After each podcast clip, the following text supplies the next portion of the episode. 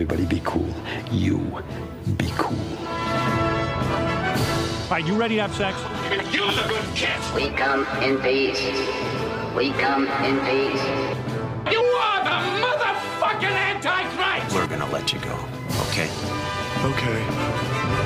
Film er best på radio. I'm gonna make him an offer he can't refuse. Nova Noir.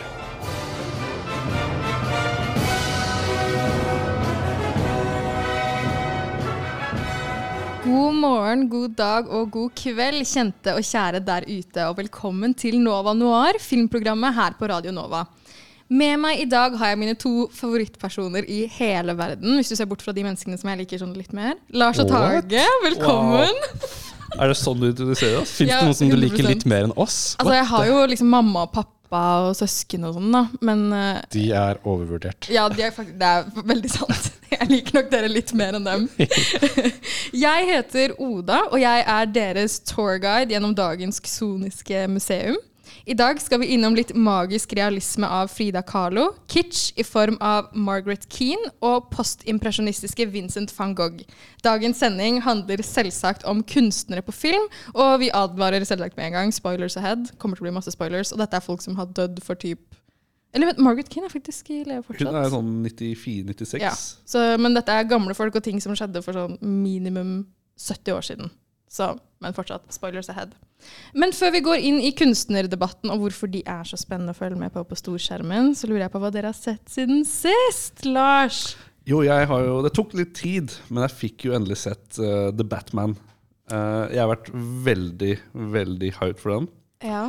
Jeg har ikke sett den ennå, så ingen spoilers. Nei, jeg skal ikke spoile. Men uh, den var jævlig god. Ja, jeg er enig. Men halvtime for lang. Jævlig god.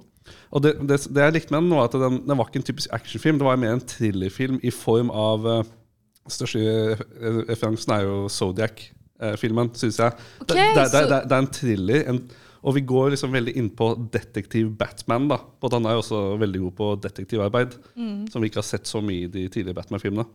Så Jeg elsker bare tanken på en detektiv som går rundt i byen liksom kledd ut som en flaggermus. Det er helt Men fantastisk. det er litt rart, for det er det han gjør også i en av de første scenene. At det er spoiler ahead. Nei, det er en Det er jo en, en, en incident som skjer tidlig i filmen, eh, Ja. hvor han liksom kommer inn og masse politifolk.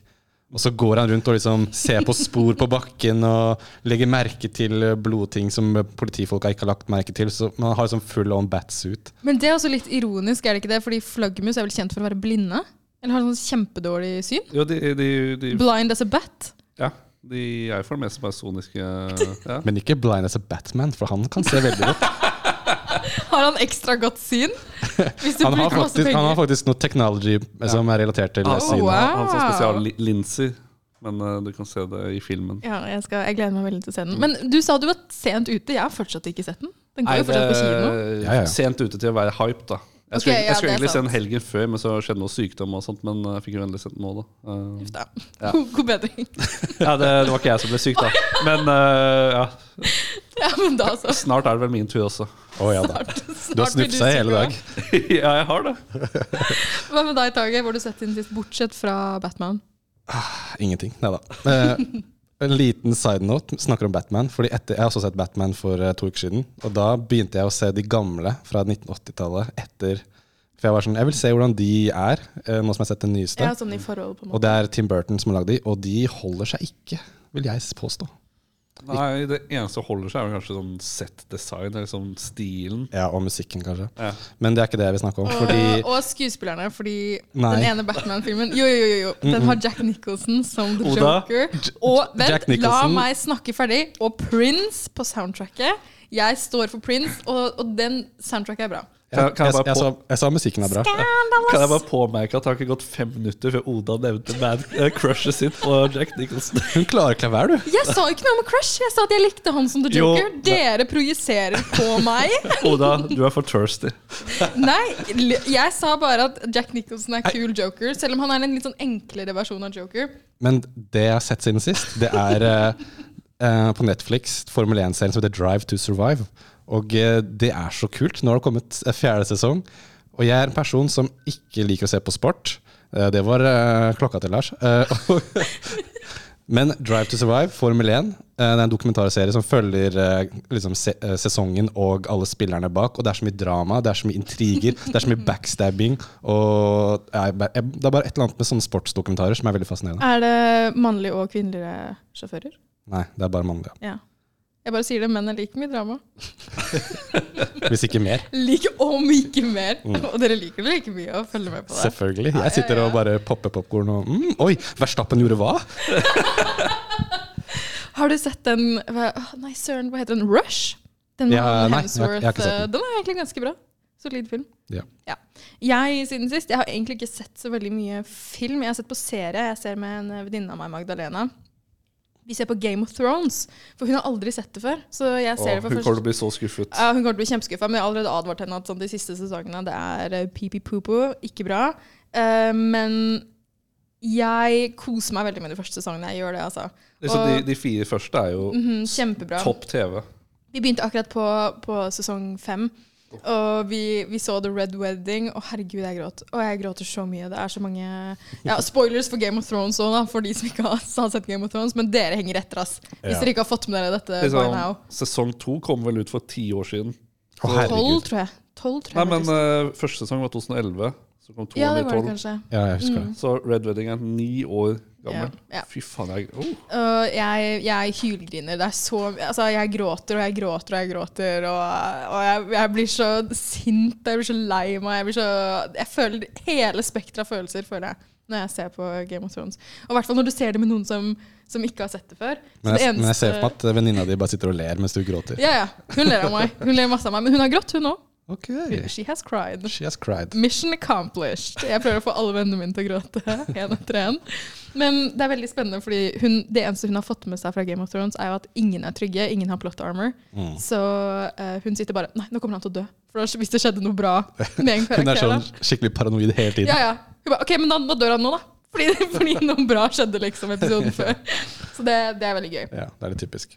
Men eh, nå skal vi snart litt dypere inn på temaet vårt, og kanskje diskutere litt sånn om generelt om kunstnere på film, og hvorfor vi, hvorfor vi syns det er så spennende å følge med på. Men først så skal vi høre på Nylon ASAP av Orange XL.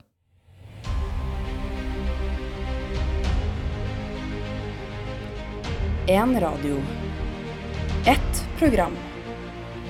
En redaksjon. For filmelskere. Nova Noir. På radio Nova.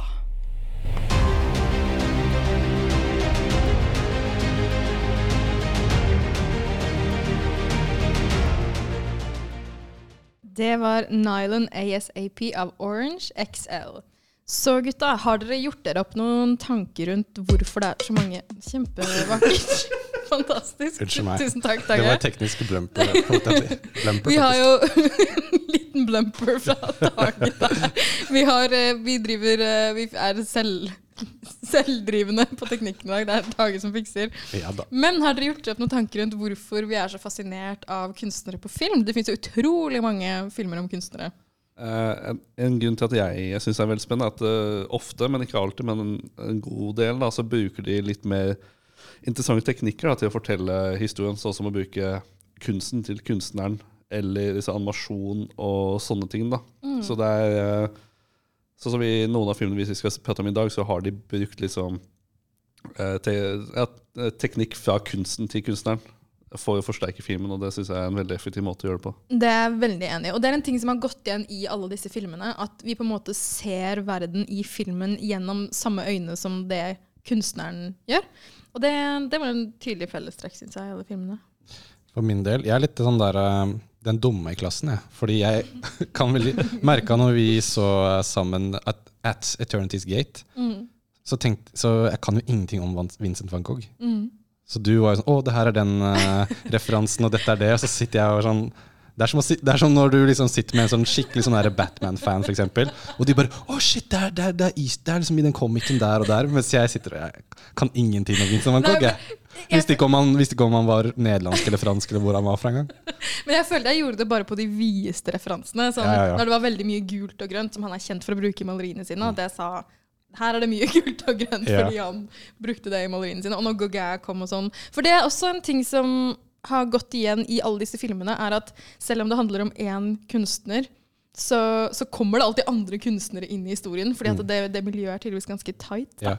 Men det jeg syns er fascinerende med kunstnere, er egentlig det er at de er liksom alltid sånne outcasts, som, og det handler veldig mye om sånn selvrealisering. Og jeg kan liksom Person som driver med noe kreativt selv, da, at jeg kan sånn, eh, på en måte gjenkjenne meg i den der struggle med å finne sin egen eh, uttrykksform osv. Så, videre. så jeg syns Ja. det er interessant. Finne egen stil og egen stemme. Ja. Og så er jo grunnen til at kunstnere um, får det til som regel, er jo fordi de er revolusjonerende innen sitt felt på, på en eller annen måte, enten det er den ene veien eller den andre. Så det er jo det, Ja, som du nevnte, Tage, dette med underdoggen og sånn. Det er jo alltid spennende å følge med på, på underdoggen. Men når det kommer til historisk nøyaktighet, for er, noen av disse filmene tar seg også veldig frihet, kanskje spesielt At Eternity's Gate, som er veldig svevende og, og følsom. Um, er det viktig for dere at en, en film om en kunstner er liksom historisk nøyaktig? Jeg tror det største problemet er egentlig hvis den er i det ene øyeblikket veldig historisk korrekt, og så går den veldig vekk fra det i neste scene, da. Så kan det bli litt uh, skurring der. Så det er viktigere for deg at den holder seg konsekvent enten den ene eller den andre veien? Ja, ikke sant? Eller bare sånn middle, middle way, da. Så ja. Jeg tror det, for at vi så jo den sammen, Oda. Og det var jo flere Det gjorde vi, Det gjorde vi. Og det var flere steder hvor de sa sånn Å, det, de har liksom spekulert om man kuttet av øret selv, eller noen andre som gjorde det. Og det var liksom flere sånne på en måte spekulasjoner rundt hans liv, da, om, som folk liksom tror at det her skjedde, eller det andre. Ja, folk har teorier Mm. liksom rundt Mens f.eks. meg, da, som var ganske uviten, så hvis jeg hadde sett filmen uten deg, så kunne jeg bare tenkt at det her var faktisk det som skjedde. Ja. Og- Og det er jo det er liksom, må liksom passe seg litt, kanskje, da, hvis man skal prøve å portrettere en person, at man er tydelig på hva som er riktig og ikke riktig. Ja, og hvor man har tatt seg friheter og ikke, på en måte. Mm. Ja.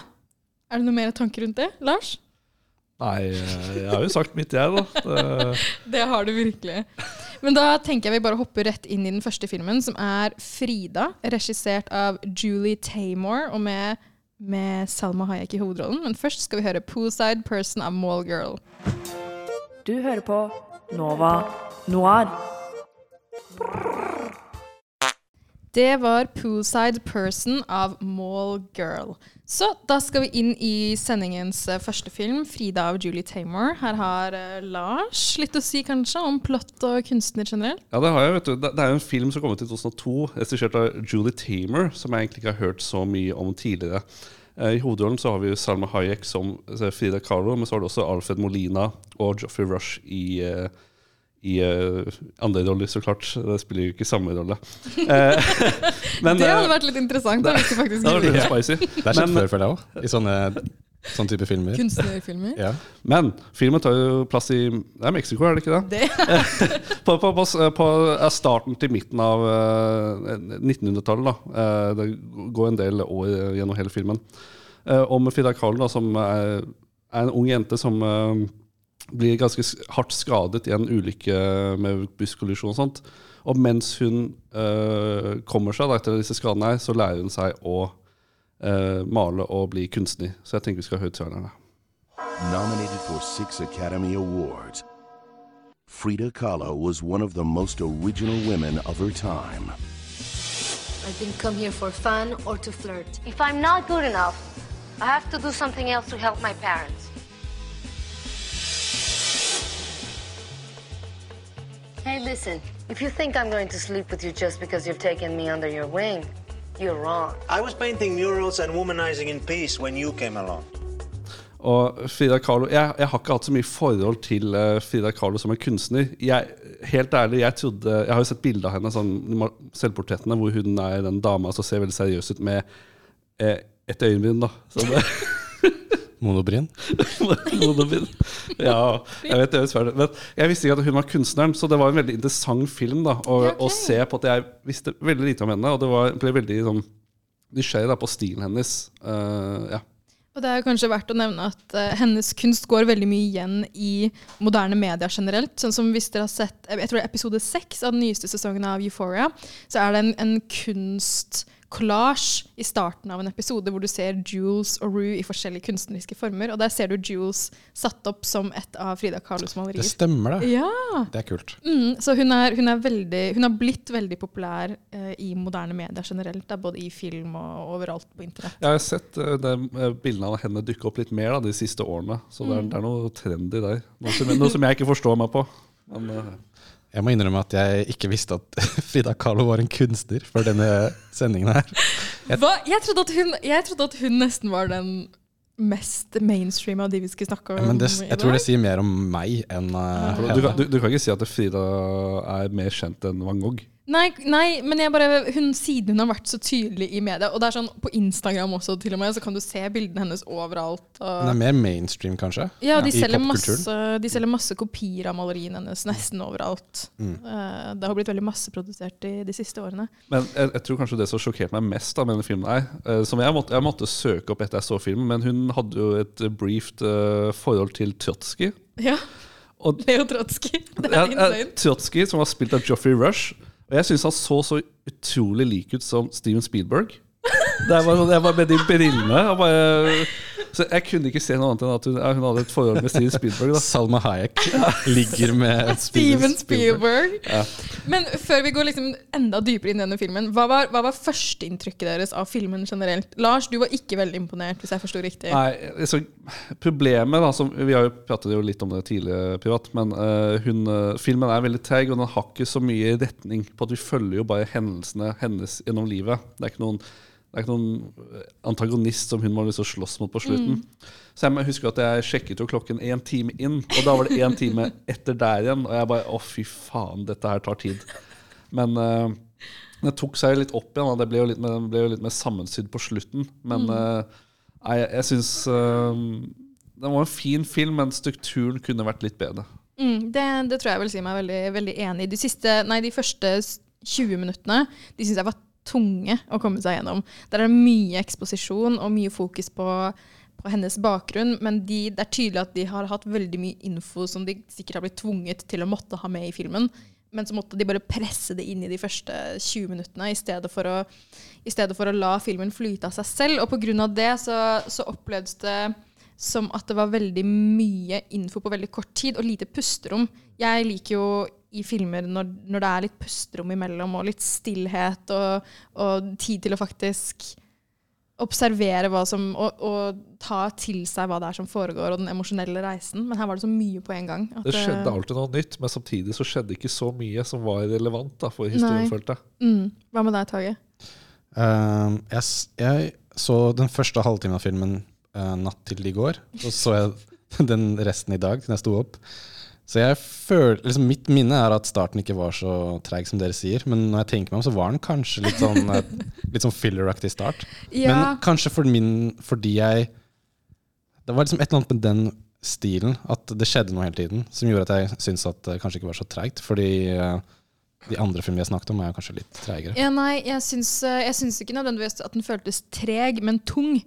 For det var bare så mye info på en gang. Og så er det som sagt ikke alt som føles veldig relevant. Et lite forhold hun har, et sånn ungdomsforhold som ikke kommer tilbake inn i det hele tatt, og som ikke har noe egentlig effekt på hvem hun, hun ble, annet enn at det var en, en slags avvisning etter at hun havnet eh, i denne bussulykken. da. Det er et veldig godt poeng, men det, det symboliserer også litt uh, Hun inngår i et forhold senere med en uh, ganske gammel, uh, eller eldre mann, da, spilt av um, å? Alfred Molina. Alfred Molina, jeg glemmer navnet hans, men Mm. hun inngår i forhold med han som blir jo litt turbulent. Mm. Så, um, så det, det sier jo kanskje litt at det, hennes problematiske eller forhold, forhold da, til å ha, være et forhold startet relativt tidlig. Mm. Og personen som Alfred Molina spiller, er jo Diego Rivera, som var en, en kunstner i egenrett. Og jeg er litt nysgjerrig på hva dere har å si om hans storyline, men først er vi nødt til å høre en sang til.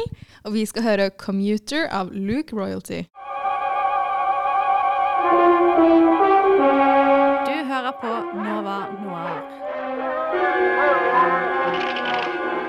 Hey, who do you think you are, anyway? Answer me, or I destroy you. Du hørte akkurat 'Commuter' av Luke Royalty. Nå skal vi litt dypere inn i Frida, holdt jeg på å si. Det hørtes jo ikke veldig bra ut. Oda, fy. fy og fy. Du merker at dette er en Harvey Weinstein eh, Ja, det, det er faktisk sant. Når jeg begynte å se filmen, så jeg ah, produsert Ja, ja. av Harvey Weinstein, så måtte jeg sende melding til Olaf. Æsj!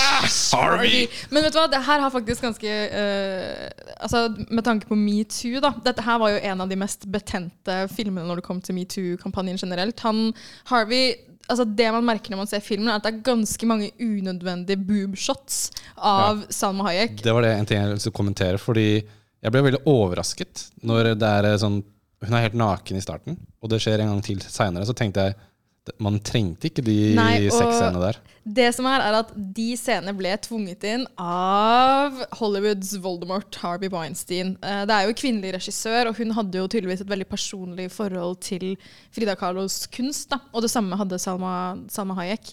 Men det er jo, har jo blitt kommet frem i ettertid Mm. at han behandlet både regissør og Salma som, som dritt gjennom hele, Ja, hele filmen. Jeg var sikker på når jeg så det, at her må være mannlig regissør. Mm. Så var det ikke det. Men så kommer du med det Ja. poenget. Og Selvfølgelig jeg- var det Harvey bak. Selvsagt var det Harvey. Så det er, det er et par scener der med veldig unødvendig n- Sånn veldig close-ups av uh, Salma Hayeks pupper og Ja, for- kropp for liksom, en ting er greit, Det er greit å ha sexscener, men det var liksom sånn der uh, glorifisering av kroppen hennes, på en måte. Mm. Uten at det liksom hadde noe Med saken å gjøre. Nei. Spesielt når en stor del av Fridas reise er det faktum at hun gikk gjennom en svært fysisk traumatisk ulykke. Og det er, en, er en, et stort problem for henne personlig. Og likevel så, så glorifiserer de kroppen hennes til en sånn grad. Det var utrolig eh, selvmotsigende, da. Eh, sånn generelt gjennom, gjennom filmen. Men av de filmene vi har sett i dag, så opplever jeg at dette er den filmen som hadde mest potensialet som, som ikke ble oppfylt, hvis dere skjønner hva jeg mener med det. Fordi den har utrolig mange kule overganger mellom scener, som er eh, bare stillbilder av Frida Kahlos malerier, eh, som gradvis blir til skuespillerne i filmen, som står i lik posisjon som maleriet, som jeg syns var utrolig kult. Ja, det var kjempekult. Det er spesielt ett hvor du er med man, mannen sin. Og jeg var sånn oh shit. Ja, Hvor de sto i det museet eller Ja, jeg tror det. I hvert fall hvor de sto sammen ved siden av hverandre. Mm. Så gikk det sånn Jeg klarte liksom Jeg så liksom forventa det ikke. Mm. Det var veldig kult. Og, og det synes jeg var veldig kult, og det tyder jo også på at regissøren hadde en klar visjon for filmen som, som ble disrupta da, av Harvey Weinstein og Miramax. Produks produksjonsselskapet, opplevde jeg i hvert fall. At den, hvis hun hadde fått frie tøyler, så tror jeg nok at denne filmen hadde vært mye bedre. Og hvis den hadde vært litt mer komprimert.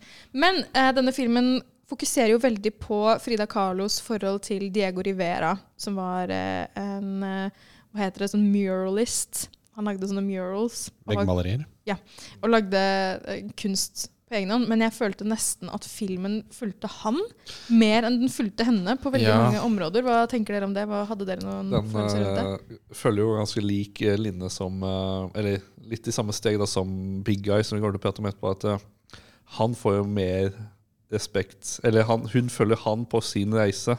Mm. Og blir liksom bakteppet for, eh, for hele greia. da.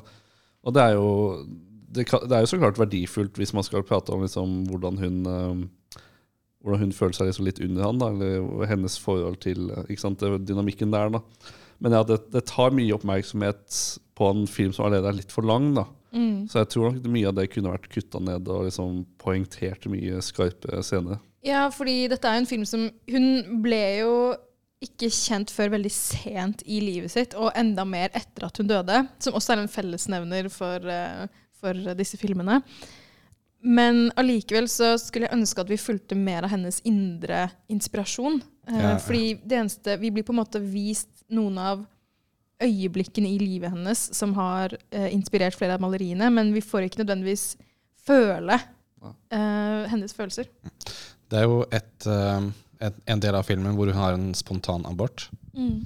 Uh, hvor hun da ber om å få se sønnen sin. Og så da kutter det til at hun ligger i sykesengen og maler fosteret som er et slags glass. Mm. Det følte jeg liksom et, Jeg savnet mer sånne øyeblikk, hvor det var mer fokus på hennes uh, motivasjon da, for å drive med maling. Jeg følte litt at hun, det at hun var en kunstner, nesten ble et sånn, sånn sidegreie i filmen, mer enn eh, Ja, mer enn det burde vært, syns jeg. Det ble på en måte som en hobby for henne, mer enn det ble Ja, og det var veldig sånn å, virke. At hun liksom tvilte på seg selv, og så var det mer sånn nei, nei, han fyren ga alltid bekreftelse, altså mannen hennes, bekreftelsen Mm. du er bedre, du er god, du er flinkere enn meg. Men det var liksom Veldig mye av filmen ble dedikert til liksom at de hadde et sånn turbulent ekteskap, og at hun var liksom midt i sentrum av noen sånn ja, filosofer og Det var, liksom, det var så mye det var liksom, Veldig mye hendelser som ikke hadde en sånn klar sånn der, Ja. visjon, følte Som ikke hadde noe klar sånn ark. Som for eksempel så var det en, en ja, Det jeg har skrevet i notatene mine, var at de burde kuttet ut i hvert fall tre storylines. Fordi plutselig mot slutten så kom jo Leo Trotsky. Han hadde blitt kastet ut fra Norge, sa de. Eh, han hadde blitt nektet asyl i Norge, så da kom han til Mexico. Og så sier Diego Rivera, da, mannen til Frida Kahlo, at eh, kan, han få kan han bo hos deg? Leo Trotsky. Mens, eh, fordi du er så flink til å få alle til å føle seg velkomne, og så sier hun ja, ja, ok. Og så eh, inkluderes det sammen med en helt sånn kommunistisk storyline om hvordan, hvordan de var kommunister, men at noen kommunister eh, ikke ville at de Eller syntes ikke at de var nok kommunister.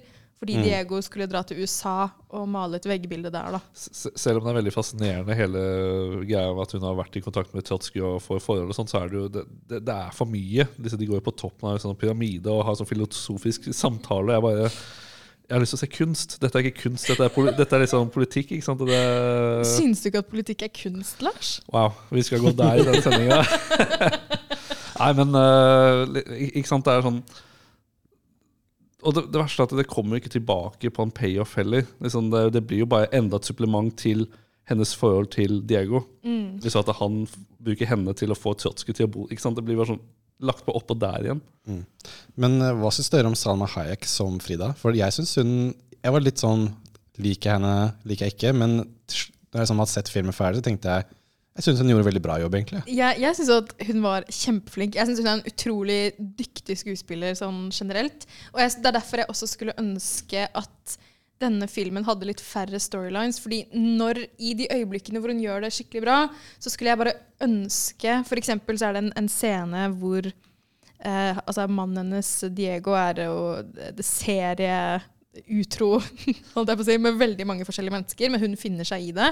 Helt til han ligger med søsteren til Frida. Og det er det ultimate det er det ultimate svik da, for henne. Og da er det en veldig sterk scene hvor hun på en måte virkelig setter en grense for første gang. Men det øyeblikket får ikke lov til å lande. Der hadde vi trengt litt, litt pust Ja. og litt rom til å la det øyeblikket virkelig eh, Altså styrken i det øyeblikket virkelig synke inn hos Og det hopper jo bare videre til neste poeng. Ikke sant? Og det bare baller på seg. Og det, ja. Mhm. Så en film med et høyt tempo, men det er ikke alltid det funker, vet du. Nei, altså, det var bare for mange ting. Jeg skulle bare virkelig ønske at vi, vi, de fokuserte seg om kanskje én fase i livet til Frida, da, i stedet for å starte før ulykken, følge henne gjennom ulykken, og så gjennom hele livet hennes og til slutten. Hvis de kanskje hadde startet rett etter ulykken da, og sett hvordan hun kom seg opp igjen på beina, bokstavelig talt, etter den. og så, ja. Men det er jo et poeng det at liksom, alt det før ulykken er jo Det får ikke noe payoff. Nei, Det Mer sånn bare Dette er Frida, dette er personligheten, dette er familien osv. Og det, er, det eneste som er verdifullt, er at hun mobber han eh, Diego når hun, var- når hun, var liten. Og det gjør jo egentlig bare det forholdet deres enda creepy, når hun var så liten når de møtte Ja, fordi han var jo allerede en etablert kunstner ja. da hun gikk på var det videregående, og hun møtte han for første gang. Eh, og så da hun ble eldre, så, så tok hun kontakt igjen, og så ble de sammen. Mm. Så, men det skal jo sies at dette var i 1922, da. Ja, så så ting, ting var litt annerledes, selv om det selvsagt ikke er greit. De, de, de, de kjørte en litt egen stil. og kunstnere, vet du, de er litt eh, Ja, ja, ja. De, de er ikke som de andre barna. Men nå skal vi snart over til å snakke om enda en eh, kvinnelig kunstner. En som kanskje er litt mindre kjent enn Frida Kahlo. Men først skal vi høre 'Searching for You' av Weird Nightmare. Can't see a goddamn thing. Quit griping. I like griping. Come on, knock it off. Nova Noir elsker å klage over dårlig film. Du hørte 'Searching for You' av Weird Nightmare. Nå skal vi snakke litt om Big Eyes, som er en film fra 2014, regissert av Tim Burton. Den handler om Margaret Keane. Jeg hadde ikke hørt noe om henne fra før av. Eh, hun er spilt av Amy Adams i denne filmen, og hun som for øvrig gjør en veldig god rolle. Og så er det Christoph Waltz i birollen som mannen hennes Walter. Margaret er, hun har laget malerier som er veldig lett gjenkjennelige. Eh, fordi hun av, de avbildet et barn med veldig store øyne. Hens filmtittelen Big Eyes. Hun opplevde enorm suksess på 50- og 60-tallet med bildene sine, men de ble solgt under ektemannens navn. Så hun fikk aldri eh, Eller ikke for å spoile enda, men på 50- og 60-tallet så fikk hun ikke noe um, credit for noen av bildene sine. Så kjør trailer. This is what it's come to, huh? You are the only living soul I can tell my secret to. I painted every single one of them. Every big eye. Me. And no one will ever know but you.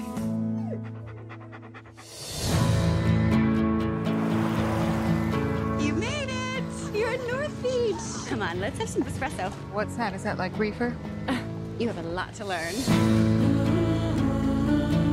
What's your name? Margaret. Wouldn't you rather flirt with those girls down there? No. I like you, Margaret. Wow, this is all happening mighty quick. I am a divorcee with a child. Walter is a blessing. Hvis vi skal starte litt sånn eh, generelt på historien her, da, så kan vi si at Walter, um, som eh, Margaret møter helt i starten, helt i begynnelsen av eh, denne filmen, var veldig sjarmerende. Han var veldig utadvendt, sjarmerende, eh, god på PR, god på salg. Så han påtok seg etter hvert all æren for eh, maleriene til Margaret. Ja. Hva er det du Nei, ingenting. Uh, han påtok seg all æren for Margarets uh, kunst, fordi han hadde en veldig tydelig økonomisk motivasjon her. Da. Han hevdet i starten at han også uh, var kunstner selv og malet selv, men bare ikke fikk det til helt på egen hånd, og at han hadde studert på en sånn veldig uh, fancy skole i Paris og bodd lenge i Paris og bla, bla, bla.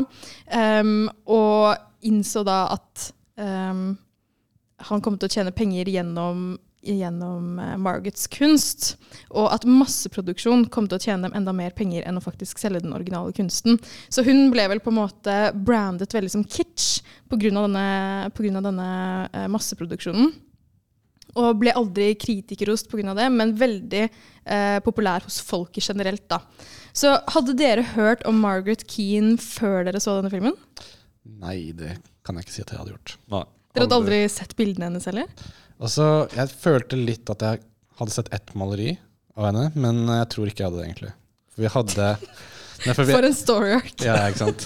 Nei, for jeg, liksom, mens jeg så film, så tenkte jeg hadde ikke vi et sånt maleri når jeg vokste opp? Men uh, jeg tror ikke vi hadde det. Men det virker som at det har blitt en sånn trend uh, å male lignende bilder fra henne igjen i ettertid. For når jeg søkte opp navnet hennes, så kom det opp mye Margaret Keane-ish kunst, Mm. som ikke egentlig var hennes.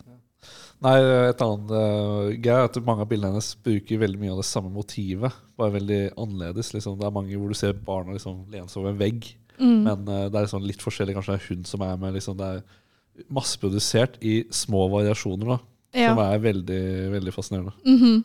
Og Christoph Waltz gjør det jo veldig bra i denne filmen, syns jeg. Selv om jeg syns noe skuespillet var merkelig til tider. Kan jeg, ja, ja, For at jeg var veldig sånn optimistisk når jeg skulle se filmen, men så merket jeg veldig fort at det er bare et eller annet med stilen til Tim Burton som jeg ikke Vi er, vi er som vann og olje. Det, bland, det går ikke så bra sammen. Men det er litt rart at du sier, for jeg tror ikke at jeg hadde gjettet at dette var en Tim Burton-film hvis jeg ikke hadde visst det på forhånd. Og jeg merket det med en gang. Men jeg vet ikke om det er fordi jeg visste at det var han. Ja. Men jeg, jeg, jeg har mer å si om det. Sånn. Men jeg fikk et veldig aha-moment Når jeg fant ut at det var Tim Burton-film. På at det, disse maleriene fra hun og Margaret da med disse store øynene er sånn ekstremt Tim Burton-stil. Mm. Du kan virkelig se at han har fått inspirasjon fra hennes uh, bilder uh, i senetid. da, Ja, det er jo med veldig godt poeng. Han er jo sikkert Og han har jo også mye liker jo liksom 50-60-talls uh, USA, suburbs. Liksom. Det Mm. passet han så utrolig godt å lage denne filmen her. da Og jeg, Selv om jeg han ga kanskje noen rare skuespillerinstruksjon til eh, spesielt Christoph Waltz, eh, så syns jeg det var en ekstremt vellaget film. Det er, jeg syns det er den beste av de tre vi har sett i Mm. dag. Det, det, det overraska meg, jeg sa det i stad, men det overraska meg at dette var den filmen du, du likte best av de vi har sett. Ja, du, Hvilken var det du forventet? Nei, jeg vet ikke, jeg, jeg forventet at uh, At Eternity's Gate Jeg, hadde jeg, filmen jeg, forventet, jeg forventet det sjøl. Ja, jeg trodde at den kom til å være right up your alley, liksom. Men jeg så jo denne Big Guy, så jo den siste jeg så. Og den er jo en mer tradisjonell Hollywood-film enn de Mm. to andre filmene. Og jeg merket at det, var litt deilig å komme tilbake til en sånn film etter uh, Frida, og spesielt At Eternity Skate, som er veldig kunstneriske til Ja, ekstreme lengder. Ja, Det er litt morsomt, fordi jeg var helt omvendt. Fordi når jeg så den, så var det sånn Åh, dette her er bare Hollywood-bræl! Her er det liksom Dette er så amerikansk som du kan få det i eh, filmstilen. Men jeg liker egentlig at du sier det, for jeg opplevde at det var Tim Burtons mål. Fordi hun blir jo ved flere anledninger gjennom Hennes kunst da, gjennom filmen blir jo ved flere anledninger eh, referert til som kitsch. Som, som vil si ikke originalt, det er bare kopier, det er bare bla, bla, bla. Og jeg føler jo at denne filmen prøvde på det samme som eh, Frida gjorde, ved å vise verden sånn som kunstneren så det. Men det vil jeg at vi skal gå litt mer eh, inn på etterpå. Først skal vi høre en sang. 1111 av Baksås pluss Høyer.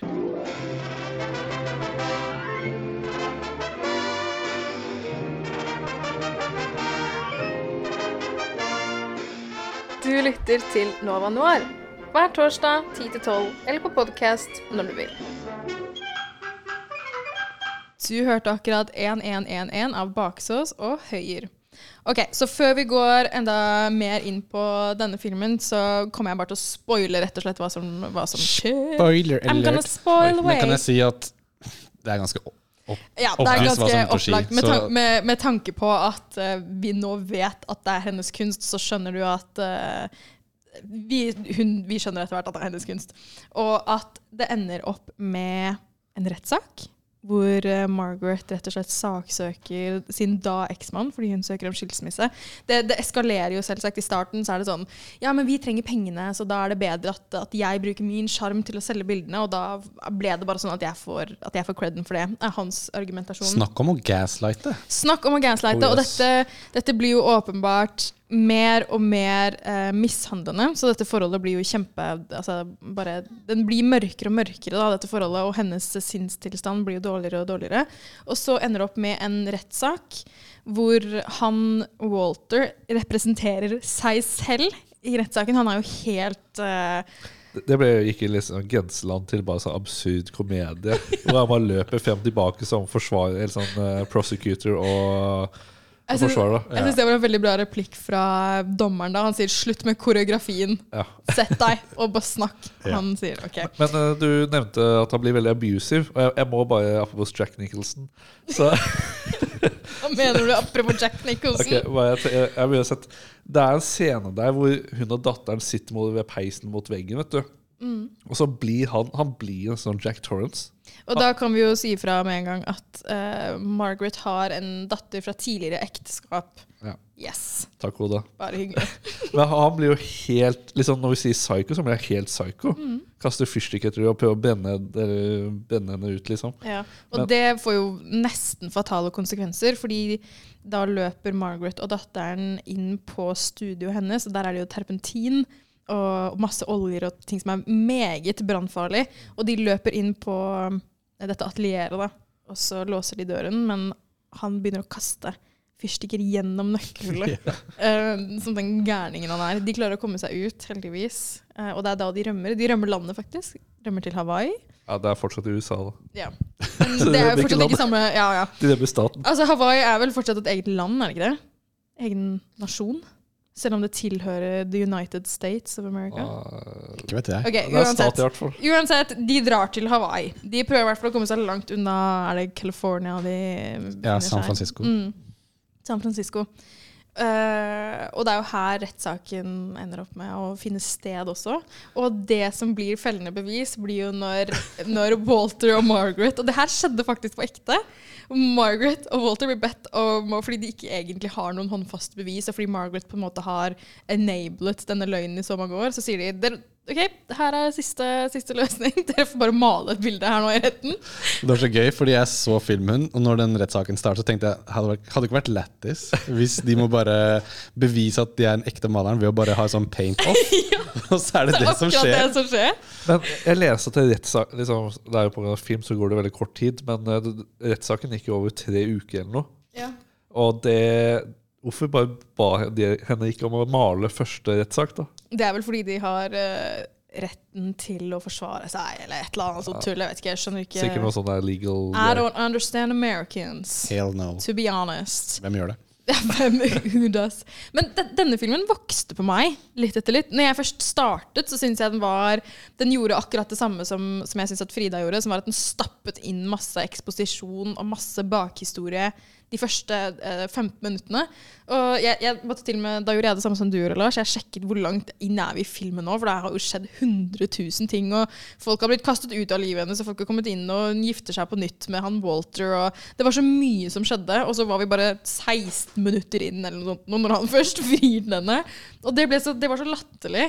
Og det var, føltes også veldig over the top, fordi bildet hadde som et slags filter over seg. Altså Selve skjermen hadde en slags filter over seg som gjorde alt litt vakrere. da.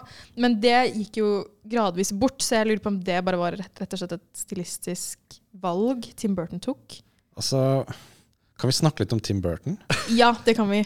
Fordi jeg er ikke noe glad i stilen hans i det hele tatt. Når det, både det visuelle og måten han instruerer skuespillere på. Fordi han har gjort veldig mye sånn fantasy og eh, animasjon og sånn type ting. Mm. Og jeg syns at han liksom, Jeg syns karakterene hans oppførte seg sånn om de var tegneseriefigurer i denne filmen også. Spesielt Walter Ja. eh, sin, eh, sin karakter. Han, altså, han er jo som en tegneserieskurk, rett og slett. Ja, ja, altså Jeg syns Tim Burton gjør det mye bedre med animasjon. Ah, ja, det, det, kan, det kan diskuteres. Ah, ok, ja, Kan du diskutere, Slash? Diskuter. Ja, men uh, nå skal jeg ikke si at jeg er sånn Tim Burton-ekspert her. Jeg har jo ja. jeg, jeg, jeg liker vanligvis ikke stilen hans, men jeg likte veldig godt her. At det, var sånn, det, var sånn, det var litt stil, men det var litt liksom tonet ned. da som jeg sa tidligere, at han er, har jo erfaring med sånn eh, American suburb, eh, home mom, sånn 50-60-tallstype. Og jeg synes det, her var det sånn perfekt balanse mellom liksom Og fargepalettet da er veldig saturert, som fungerer Ja, veldig fint. Fordi fargepalettet Det blir jo brukt mye av de samme pastellfargene som du tenker på når du tenker på 50- og 60-tallet. Ja. Mye pastellfarger og lyse toner også, som, som igjen går igjen i hennes eh, kunst generelt. Så den, den filmen her gjør jo akkurat det samme som, som jeg snakket Ja. om tidligere. En ting jeg syns denne filmen fikk til bedre enn Frida, var at man fikk liksom mer inntrykk av hvorfor hun maler For det ble- jo spurt om det, sånn, hvorfor har de alltid sånne store øyne og sånne type ting. Og da fikk hun liksom anledning til å forklare hvorfor, og Mm. at de er på en måte hennes children osv. Ja. Men jeg syns at um, filmen er så Hollywood i det at den, det er liksom ingenting Det er ingen nyanser. Alt er liksom sånn overforklart. Og liksom, alt er liksom sånn uh, Første akt Alt er liksom by the numbers, føler jeg. Mm. Så det var liksom ikke Jeg følte at det, er sånn typisk film hvor du vet liksom Ok, nå kommer denne delen av filmen. Den nå kommer er, denne delen av filmen. den er veldig formulaisk. Mm. Altså Den følger alle formler i, i boken, holdt jeg på å si. Bortsett fra Det er en del av slutten som jeg Eller slutten av midtdelen av slutten av andre akt som jeg syns var spennende. For da, da begynte Margaret å se menneskene rundt seg med disse store øynene. Mm. Da plutselig så begynte menneskene rundt henne bare på butikken, folk hun møtte tilfeldig, å ha store øyne sånn som i maleriene hennes. Og så får hun en, en, en slags oppvåkning hvor hun begynner å male litt andre typer bilder, hvor hun utfordrer seg selv og sin egen kunstneriske, kunstneriske frihet. Da. Men kan jeg være litt sånn djevelens advokat? Fordi jeg følte at filmen, slik man skal liksom tolke det som skjer i filmen, hvis mm. dette er liksom historisk korrekt, så kan man nesten argumentere for at hun hadde ikke blitt en suksess uten mannen. Fordi mm. han var så flink til å liksom være en salesman. Ja, det er jo på en måte, på en måte hoved... Hva skal man si, diskusjonen sånn som den har vært i ettertid da, av den faktiske saken. Sånn, hadde hun i det hele tatt klart seg? Og så er jo spørsmålet igjen, har det noe å si? For det var fortsatt ikke han som, som lagde maleriene. Nei, men det, det er jo et ganske relevant poeng. Og vi kommer, det poenget kommer opp igjen i Van Gogh-filmen også bitte litt. Er liksom ja, hvordan at man kunst, Du kan ikke bare være kunstner, du må være markedsfører, du må være en selger også. Og det er jo liksom ja, eh, Spesielt da vi noen av oss som er interessert i å jobbe i mediebransjen. Da. Mm. Da må du virkelig selge deg selv. Du kan ikke bare 'Å, jeg kan dette her', men du må liksom vise til å selge deg selv på en god måte. Ja, absolutt. Uh, Og det er jo litt gøy også at de poengterer det i uh, Big Eyes, at hun var veldig dårlig salgsperson. For det er jo en scene hvor hun har en sånn sideexhibition i mannen sin, eller eh, som er hennes da egentlig, da, Mm. hvor de viser frem alle bildene- maleriene og sånne ting. Og da er det noen som kommer bort og spør spørsmål, og da begynner hun bare å snakke om sånn uh, numera- Alt hun mat- matte og numerology og alt, og så var hun Du er, du er god til å male, men du er ikke god til å selge malerier. Nei, nei, nei, hun var på ingen måte en, en salesperson her. Nei. Vi skulle gjerne ha snakket enda mer om dette. Dette er et veldig interessant tema generelt. Og bare for å si det sånn, det en, eh, dette går igjen i historien generelt. Menn som stjeler konene sines eh, verk. Jeg bare sier det. Jeg bare Yes. sier google litt om F. Scott Fitzgerald og um, The Great Gatsby, f.eks. Uh, uh, Uh, uh, do some googling and you will see some horrific shit. Uansett, nå skal vi høre Him or Her av Sai Selina. Du hørte akkurat Him or Her av Sai Selina. Før vi går over til sendingens siste film, som er At Eternity's Gate, som handler om Fangog, så skal vi få en liten anmeldelse. Fordi vi har en gjest i studio. Alexander, velkommen skal du være. Hallo, hallo. Tusen takk. Hva er det du har vært og sett for noe gøy i dag? Du, jeg kommer basically rett fra pressevisning av en liten film som heter X. Rett og slett kun X, regissert av en, eh, en mann med navn Ty West. Eh, og her har vi rett og slett å gjøre med en, en, liksom, en film som blander sjangrene eh, sexbasert exploitation med skrekk. Eh, vi eh, har eh, blitt, plutselig blitt transportert til eh, en eh, Texas på 1970-tallet, 1979.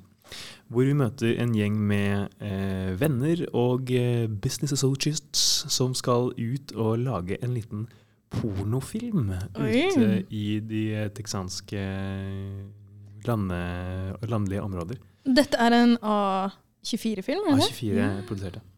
Eh, og jeg tror kanskje vi skal høre en liten trailer jeg, før vi skal snakke noe videre om den. Like you. You know why? Why? Cause you got that X factor. My wife is not well. It happens after dark.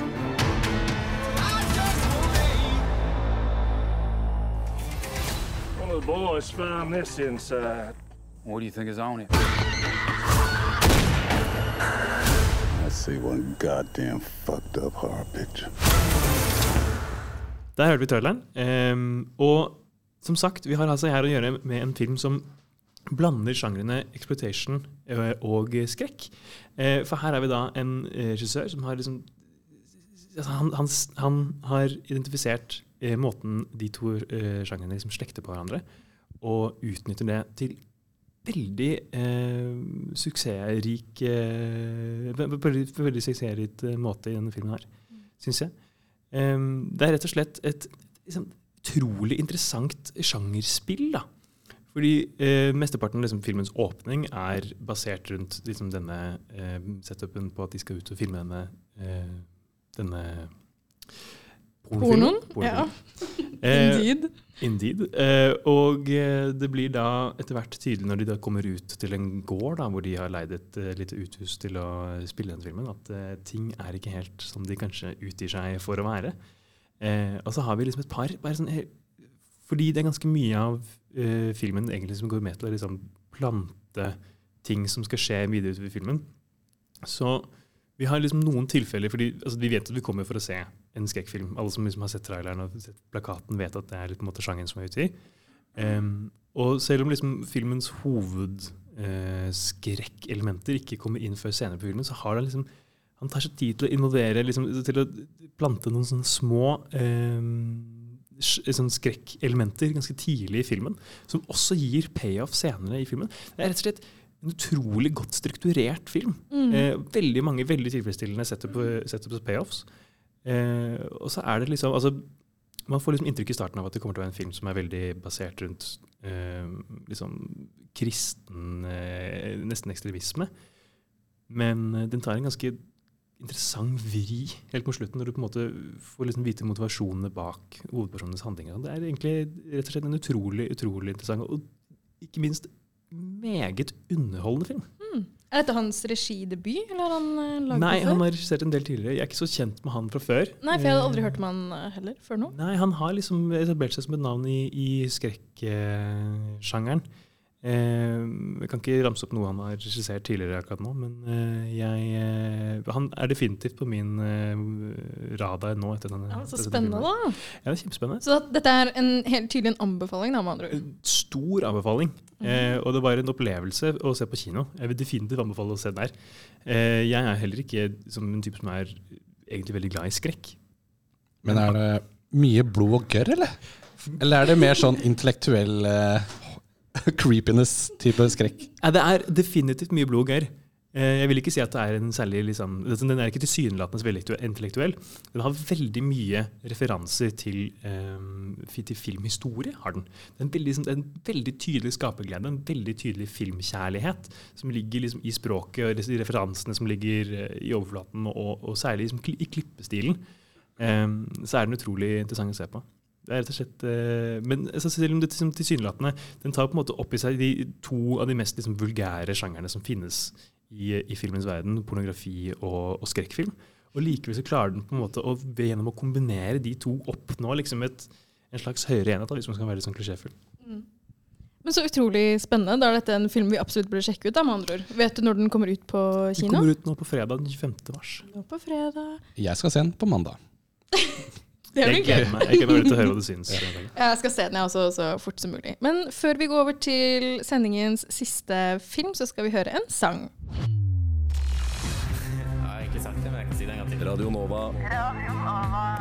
På, DAB og nettradio. på radionova.no. Radio Nova. Du hørte akkurat 'Who Was I' av Han Guiden, kanskje? Muligens? Uh, uttalelsen er uvisst. Nå skal vi over til sendingens siste film, som er 'At Eternity's Gate', som handler om Vincent van Gogh. Hår. Det var, eh, spesiell, det var flere forskjellige typer uttalelser tror jeg, av navnet hans gjennom denne filmen. Men Tage, Ja. you go, man. Nei, altså Det er jo om selveste Vincent van Gogh. Eh, og den eh, fokuserer på han i hans senere del, eller en sene del av livet hans, hvor han uh, hovedsakelig den tiden han bor i uh, Arles og eh, Avur sur Oise. Jeg vet ikke om jeg uttalte det her riktig, men det er i hvert riktig ut for fall i Frankrike. og det er altså en film av Julian Schnabel. Nei. Det er, det er det han heter. Oda. Det var han som lo. ok. Lars? Ja. jeg, jeg visste at når jeg skulle uttale navnet her, så var det ingen som kom til å ta det seriøst. Men fun fact, han er også maler. Kjent maler og regissør. Så det er litt spennende. Uh, og det er Willem Dafoe som spiller Vincent van Gogh. Og uh, det er også mye av handlingen er liksom satt i uh, hans relasjon til Paul uh, Gauguin, Gauguin. Gauguin, som er spilt av Oscar Isaac. Tell me, why do you say you're a painter? Because I love painting, I have to paint. I've always been a painter, that I know. A born painter. Yes. How do you know? Because I can't do anything else, and believe me, I've tried. I think of myself as an exile. You're Vincent? Yes, sales brother. I'm Paul Gauguin. We have to start a revolution. Do you understand? We have to create a new vision, a new way of painting. I spent all my life alone in a room. I'd like to find a new light. Ja, ikke sant? Så det er Vincent van Gogh. Han er en uh, søkende kunstner, og uh, altså Vi så den her sammen på kinoen på skolen, Oda, og jeg Ja. Ja, det gjorde vi. Og jeg uh, ble altså, positivt overrasket, egentlig. Det var en film som kom for ikke så mange år, år siden. Eh, Ja, bare fire år siden. Jeg, Ja. jeg trodde ikke at den var så ny. Nei. Uh, 2018. Og jeg husker at det var en sånn film som kom liksom, Man fikk oppmerksomhet rundt Oscar-tider. Og jeg føler litt at Jeg vet ikke om dere tenker sånn her, men at det er liksom typisk at det er noen filmer som blir hypa opp i den perioden. Og hvis man Mm. ikke ser de da, så ser man de aldri. Mm. Jeg vet ikke om dere også er sånn? Jeg skjønner akkurat hva du mener. Noen som på en måte forsvinner fordi de på en måte er lagd for å være Oscar-bait, og så utover det så bare blir de borte. Mm. Men eh, Jeg, ble, jeg syns filmen var veldig bra, egentlig. Den er jo litt sånn kun, den, altså, den er jo en kunstnerisk film. Den eh, er jo ikke en sånn typisk Den er veldig sånn motsatt fra f.eks. Big Eyes. Mm. Den følger ikke en sånn typisk sånn treaktstruktur, og eh, spesielt fotoen er veldig kunstnerisk. Mm, håndholdt kamera og mye POV og sånn. Jeg får litt flashbacks til min bachelorfilm. Eh, på at det er mye, som dere sier, det er mye eh, håndholdt kamera, da, som POV og mye sånt. Men problemet er at de, de kutter det ikke, eller de kutter veldig sporadisk da, på, u, på dårlig Eller for min del dårlig tidspunkt. da, Så det er bare mye shakekrem og mye virvar. og Jeg er veldig enig, men nå skal det også sies at når jeg, når jeg og Tage begynte å se denne filmen, plutselig så begynte teksten å ikke henge sammen med bildet. Så vi, Ja. så, vi så underteksten, og vi bare Men det er jo ikke det de sier nå. Det her gir jo ikke mening. Og så hadde vi sett en versjon som bare hadde Helt tilfeldig Altså Scenene var bare puttet på helt tilfeldige steder. Ja. Så vi så ikke filmen i riktig rekkefølge sånn siste Nei, den første, de første 20 minuttene eller noe sånt. Ja, Men så den i riktig rekkefølge, men leste den i feil rekkefølge. Nei, fordi teksten var i riktig rekkefølge, men bildene var ikke det. Så vi bare så en, en, en omstokket variant først, og så måtte vi bytte, da. Bytte versjon. jeg tror noen som hadde bare klippa og limt en versjon som de syntes funka bedre, og så lasta den opp. Rett og slett. Men uh, vi kan jo ikke prate om filmen uten å ikke nevne Willem Defoe. Ja. At, uh, han var I love. Han var så sjarmerende. Han var veldig sårbar i den filmen. Det er liksom, han, han er jo veldig flink til å virke veldig stusslig, men jeg synes han fikk, var veldig veldig stusslig i den filmen. Der. Han Og har utrolig talende ansikt Ja. og talende øyne. Og det du sier om sårbarhet, det tror jeg er det jeg har savnet mest i de to andre filmene. Og de har gradvis kanskje blitt litt og litt mer sårbare. Frida hadde et par sårbare øyeblikk, sånn som det du nevnte, Tage, med en, etter at hun sp- spontan aborterte blant annet, og mistet barnet. Men denne filmen hadde den var veldig sår tvers gjennom, og den tok seg mye tid, så, som jeg også savnet fra Frida annet. Den tok seg tid til å la øyeblikk bare være og lande. Det var, det var mange shots av bare van Gogh som går rundt og er alene og observerer ting, observerer folk. Og det, jeg elsket egentlig de scenene. Men problemet her er at vi kommer tilbake til kameraarbeidet. Som liksom, du har den fine musikken som liksom legger veldig god atmosfære, og liksom fine skog og liksom sol og liksom hele greia, men det er bare masse shaky camps på at du, du får ikke nyte bildet som du nyter lyden da, av filmen. Det er litt interessant, fordi i starten uh, av filmen så tenkte jeg sånn Å, hvis det skal være sånn håndholdt, og som er veldig sånn ristende hele tiden, så kommer det til å bli veldig slitsomt. Men av en eller annen grunn så, glemte, eller så følte jeg ikke at det var et problem etter hvert. Mm.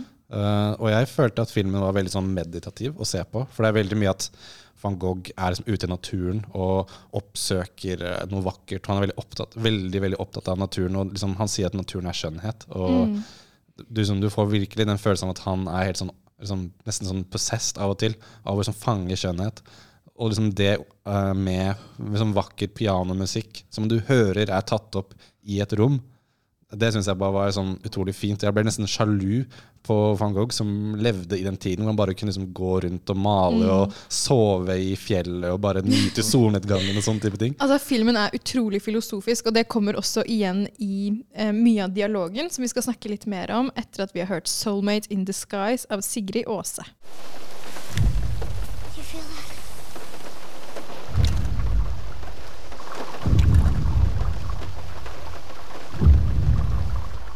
Nova Noir. Det merkes på tyngden. Du hørte 'Soulmate in the Skies' av Sigrid Aase. Så nå skal vi gå litt mer inn på denne, denne filosofiske, vakre, metaforiske filmen som er 'At Eternity's Gate'.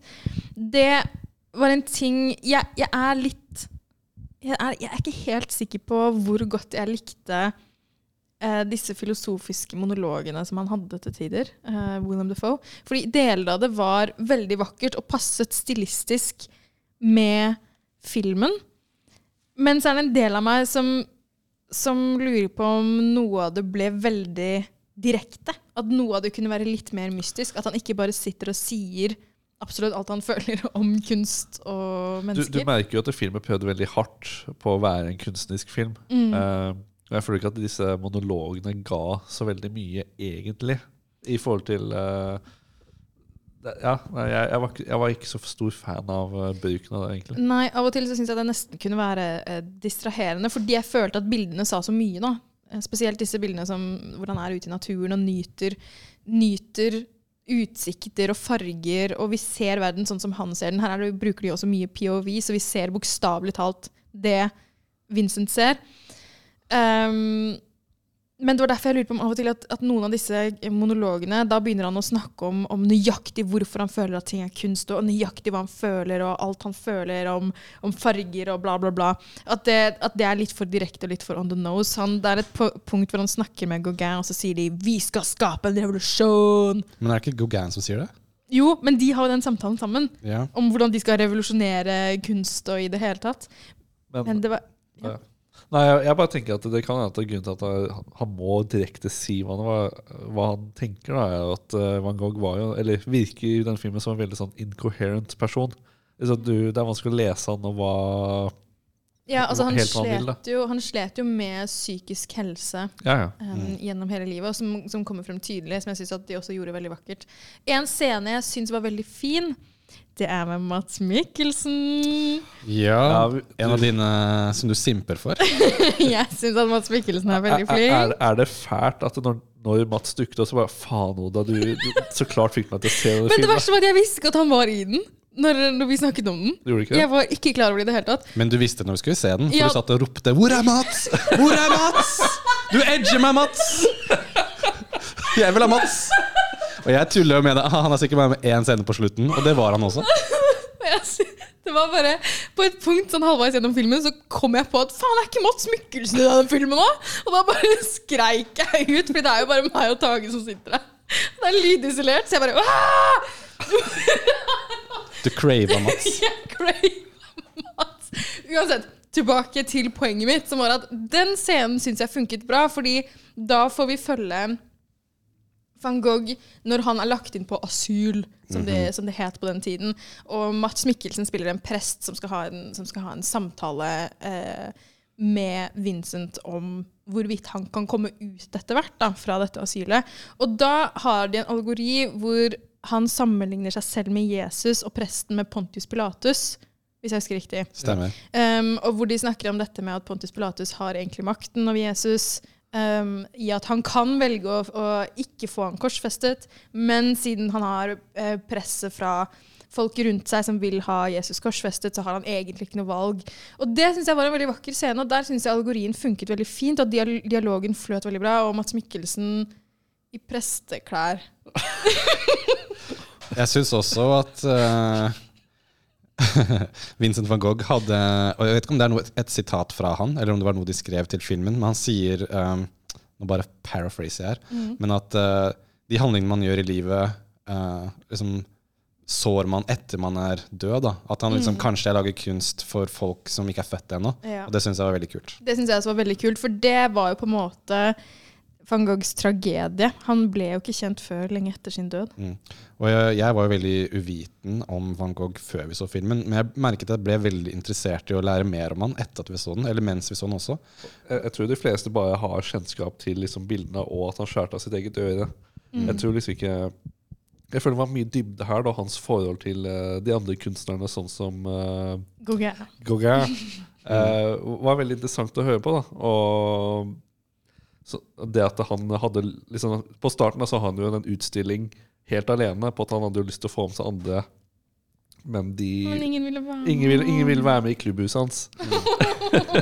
Det var faktisk skikkelig trist. Ja, det var veldig trist, men det er sånn, du så da at han ha- ha- ville ting. Han liksom hadde ambisjoner, men han, Og lidenskap, og lidenskap, minst. han, han hadde lyst til å ha folk med seg på turen, men de hadde ikke troen på han, eller de så på han som ja, ikke, ikke en uh, tilredelig fyr her, kan man si det.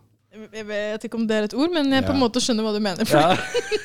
Men det, det ble jo tatt opp også at eh, folk, også folk i byen der han var Det var en li, veldig liten by i Frankrike. Mm. Folk ville ikke ha han der. Nei. Og at, også at han ble litt sånn der eh, skjønd fra byen, rett og slett. At, Ja, de hadde eh, sånn der Petition. pet- Ja, hvor du skriver under og ville ha han ut. Stakkars.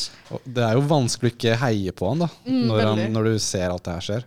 Altså, han er jo på en måte definisjonen av underdog. Og det som også kan nevnes, er at i ettertid så har jo eh, veldig mange av de største kunstnerne eh, i dag, som vi nå vet om i dag, da, er jo kjent for også kanskje ikke være veldig gode mennesker.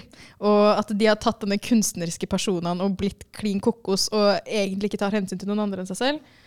Prosit, Lars. Takk. Men Van Gogh er jo kjent for å være en av de menneskene som, faktisk, som du faktisk kan like med god samvittighet. Da.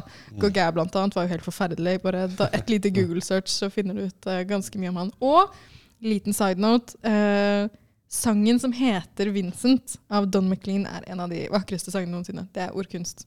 Anbefaler å høre. Mm. Men uh, altså, hvis jeg kan bare nevne litt om foto Fordi at Ja. uh, hans fotografen Benuit Delholm uh, Han uh, er jo også maler, som er veldig interessant. Fordi uh, når han skulle liksom Han var i samtale med regissøren om at han kanskje kunne være en av uh, En av flere liksom, fotografer. Og det er jo liksom insulting, virker det sånn. Hvis, liksom, hvis du vil være den ene som er liksom DP. Du vil jo ha full kon altså, Ja, ja. kunstnerisk kontroll. men så var det fordi for at- film er kunst. Hell yeah. Men så var det en, en kveld hvor han regissøren sa sånn vil du, du som kan bli med meg og liksom filme at jeg maler. Og så liksom bare hadde han et lite kamera. Han bare bevegde seg rundt. Han filma en time, klippet det sånn 30 minutter av det til liksom dagen etter og viste han sånn Å, her er liksom footage fra i går. Og så liksom begynte regissøren å gråte og bare oh. liksom, Du har jobben, liksom. Å, shit! Ja. Det er jo en veldig kunstnerisk historie. Holdt jeg Ja, si. og en også litt morsom ting var at eh, han fikk liksom i oppdrag å dra til Skottland og bare filme masse sånne hveteåkre, for det ville han ha til filmen. Og da sa regissøren at eh, hvis du skal ut og filme, så fikk han med seg liksom kostyme til van Gogh, liksom hatten og flere av klærne. Oi. For det er jo noen POV-shots i filmen hvor du ser at han liksom filmer ned på føttene sine mens han går i åkeren. Og det er faktisk eh, føttene til fotografen.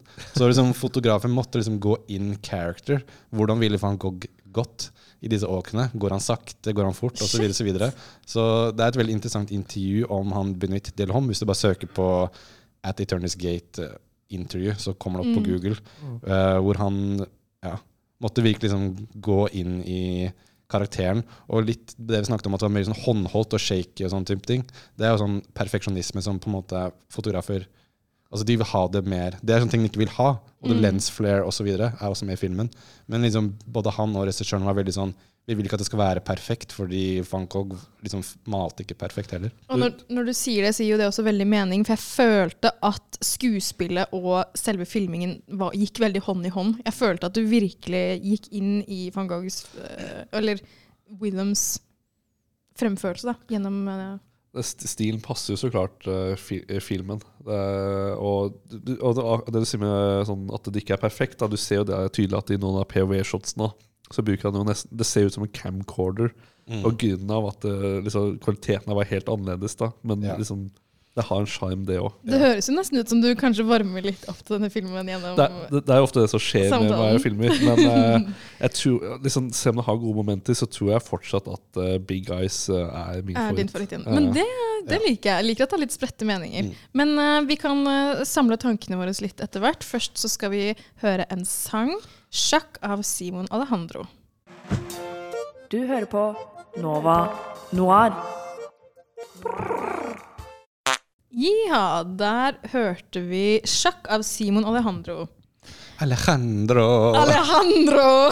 Skal du ta den eh, Lady Gaga-versjonen? Nei, jeg skal ikke gjøre det. Oh, ja, ok. Nei, men da står vi over det. Vi har satt av litt tid nå til en, eh, til en liten lek. Og du har det, ja? Ja, det har jeg. Å, vet du. Å, fy søren, dette blir gærent.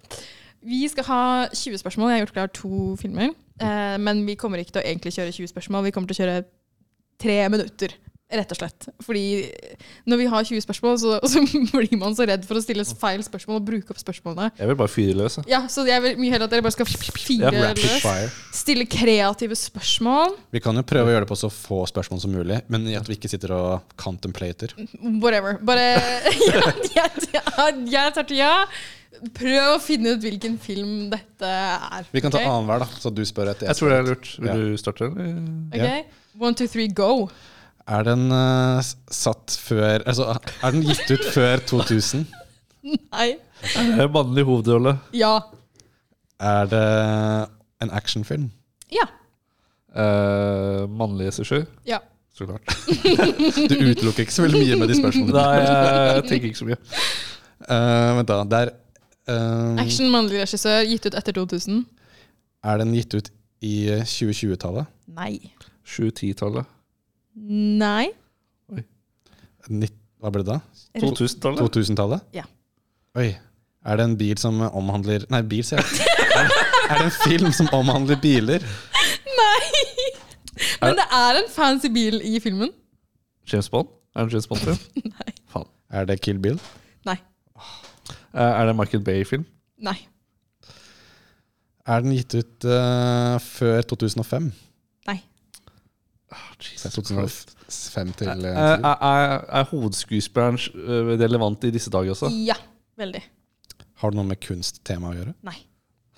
Men vi har vært inne på et lignende tema gjennom en annen samtale i dag. Oh, Og det gir meg ve ve veldig lite.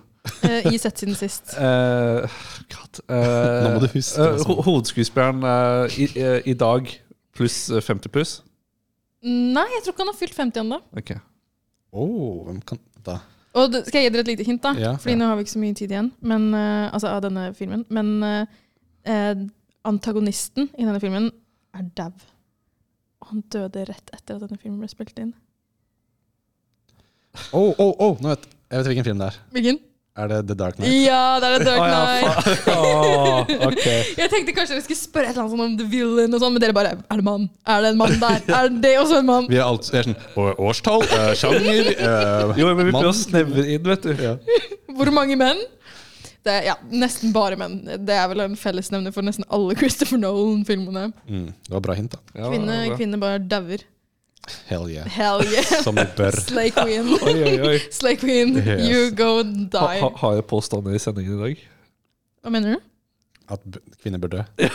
Er ikke det er ikke, Mener, ikke, mener ikke hele samfunnet det? I hvert fall halve? Bare i filmer. Ja. ok, ja. Ok, Skal vi kjøre på med en eh, film til? Yeah, boy. Ja, Hit ok. Da sier vi 3, 2, 1, go. Start guessing, babes. Er den gitt ut i 1972? Nei. det Er det Gudfar du tenkte på? Jeg vet ikke. Var gøy Tenk om jeg sa ja nå. Ok, Er det gitt ut etter 2010? Ja. Okay.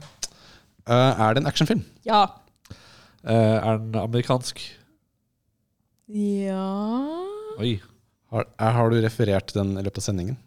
Nei. Eh, er, er, er hovedpersonen kjent i disse dager? Ja. Lever hovedpersonen? Ja.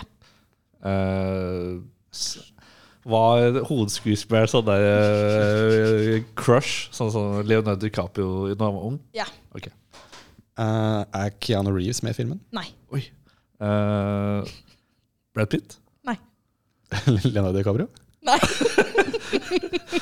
Å, faen. Uh, er regissøren veldig kjent? Ja. Og veldig relevant. Og veldig relevant. Også for Oscarsesongen. Eh, Og en av mine favoritter. Ka- ok, jeg skulle til å si ses men han var ikke din. Nei, han er ikke min favoritt, men jeg liker han. altså. Jeg føler at jeg ikke får tid til å tenke når vi er på Nei, vi, vi, når det er vi tid. skyter ganske mye her. Um, Tenk en relevant Oscar-regissør i år, som jeg liker veldig godt. Er det Guillermo del Toro? Nei!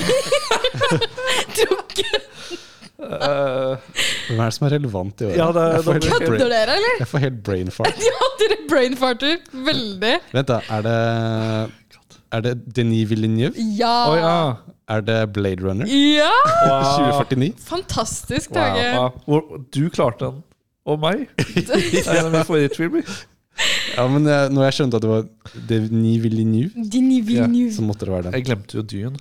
Jeg satte den Ja, jeg- jeg tenkte- jeg også har følte glemt liksom litt av Dune. Og jeg følte den falt litt i skyggen på Oskar. Ja. Men jeg følte at uh, eh, Ok, nå Ok, det der er ikke lov å bare throw out there. Men vet du hva, Dune er ikke den beste Villeneuve-filmen. Nei, det er jeg enig i, men det er fortsatt en episk film. Det er Det er Pris Prisoners. Nei, Pris, pris Break? Prisoners. Ok, men nå tuller vi fælt her. Skal vi, vi rekker en siste. Og gjør vi det? Skal vi kjøre på med en til, eller? Ja, så klart. Mm, da skal jeg uh, ikke starte med et hint, nei. Let's go. Er den gitt ut før 2000?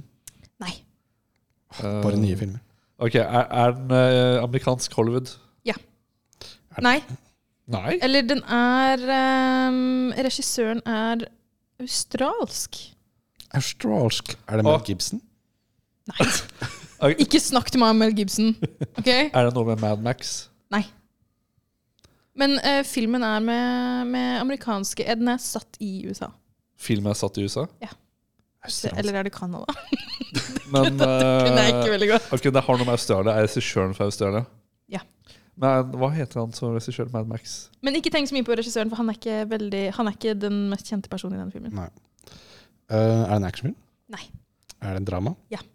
Uh, Drama-komedie. Drama-komedie? Litt sånn weird. Det, det, er ikke- det er ikke romcom? Ikke På en måte en veldig alternativ eh, romcom, kan man kalle det. Wow. Er det med Keanu Reeves? Nei. Hva Jeg tenkte på den der hvor han Nei, jeg husker ikke. Dramakomedie. Er det en eh, A24-film? Nei. Hmm. Tror jeg. Da har jeg ikke sett den. Neida. Nei, det er Det, altså Ok, Er hovedskuespilleren kjent i disse dager? Ja. Fortsatt? Ja. Er han, Det- er han aktuell? Jeg kan jo Skal jeg si Skal jeg si hvem hovedskuespilleren er? Du kan gi oss et hint. Gi har sett hint på Han, han er den samme hovedskuespilleren som i en av de forrige filmene dere gjettet. Mm. Fort nå. Dune? Nei, Vi gjettet ikke Dune, vi tenkte Mad Max. Oh, ja. Jo, eh, jo! Men nei, hva, hva, hva heter han? Hva heter han Uh, Tom Hardy?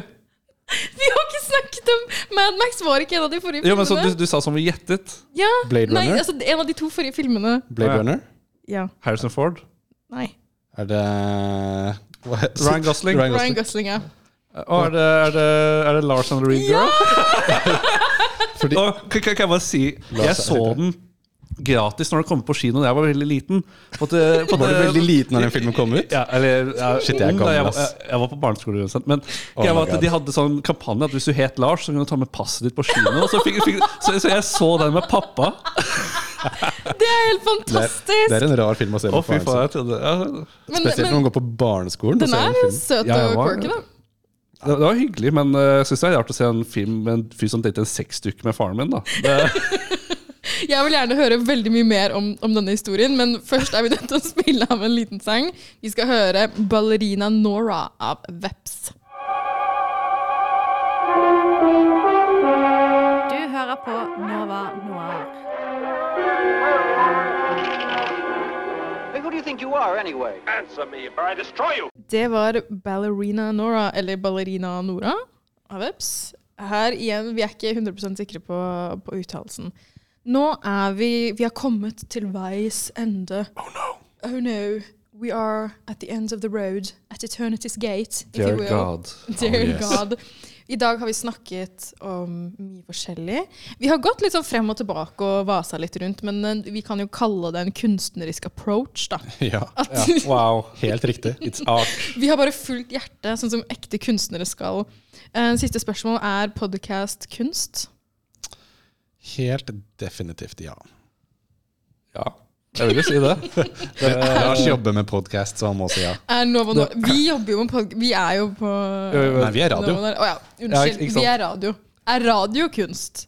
Eh, det er radiokunst. Det kommer, kommer helt Det an på lydkunst.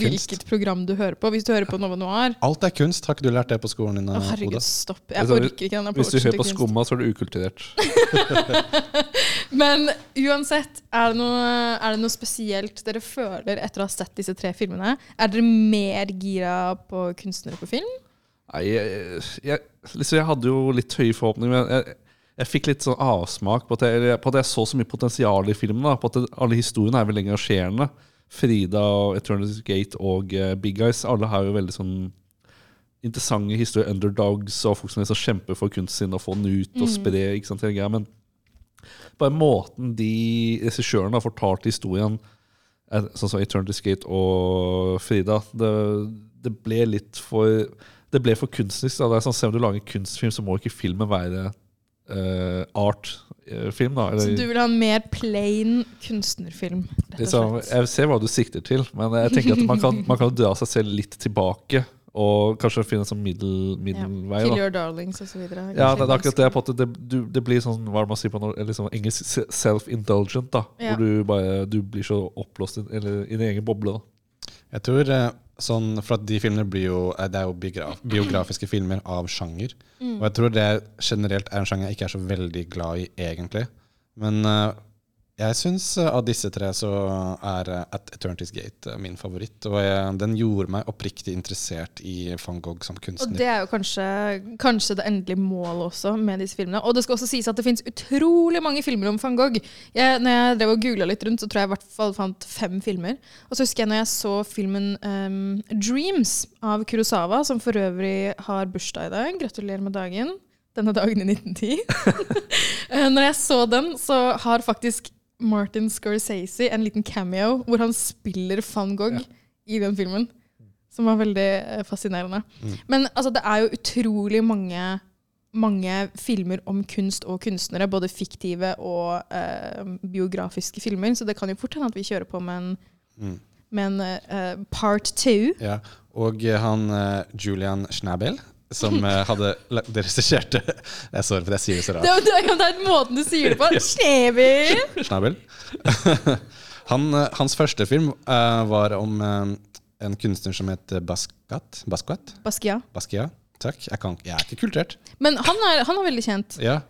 Uh, og jeg har lyst til å se den også nå. Ja. Fordi jeg likte stilen hans. Det er veldig kult. Kanskje vi skal kjøre på en, en part two av denne sendingen. eh, Det er jo, det er jo endeløst av kunstner, kunstnerfilmer du kan eh, lage podkast om og se, så det er, eh, det er fullt mulig at vi kjører en reunion. Så kan man, hvis man vil se en dokumentar, 'Kunstner og norsk Ja! film, norsk dokumentar. Sant da. Den var, den var utrolig vakker. Jeg, husker, jeg synes den var skikkelig skikkelig fin. jeg så Så jeg syns liksom kunstnere som et tema eller som et karakter altså, er interessant i utgangspunktet. Men uh, i hvert fall de filmene som vi snakket om i dag uh, I hvert fall Frida og Jeg følte liksom de falt i den der tidlig 2000-årsfella Mm, litt. At, og- eller også Tim Burton. Han, Tim Burton er ikke min greie. Så Og det de også har til felles, er jo at de er begge Harvey Weinstein produserte.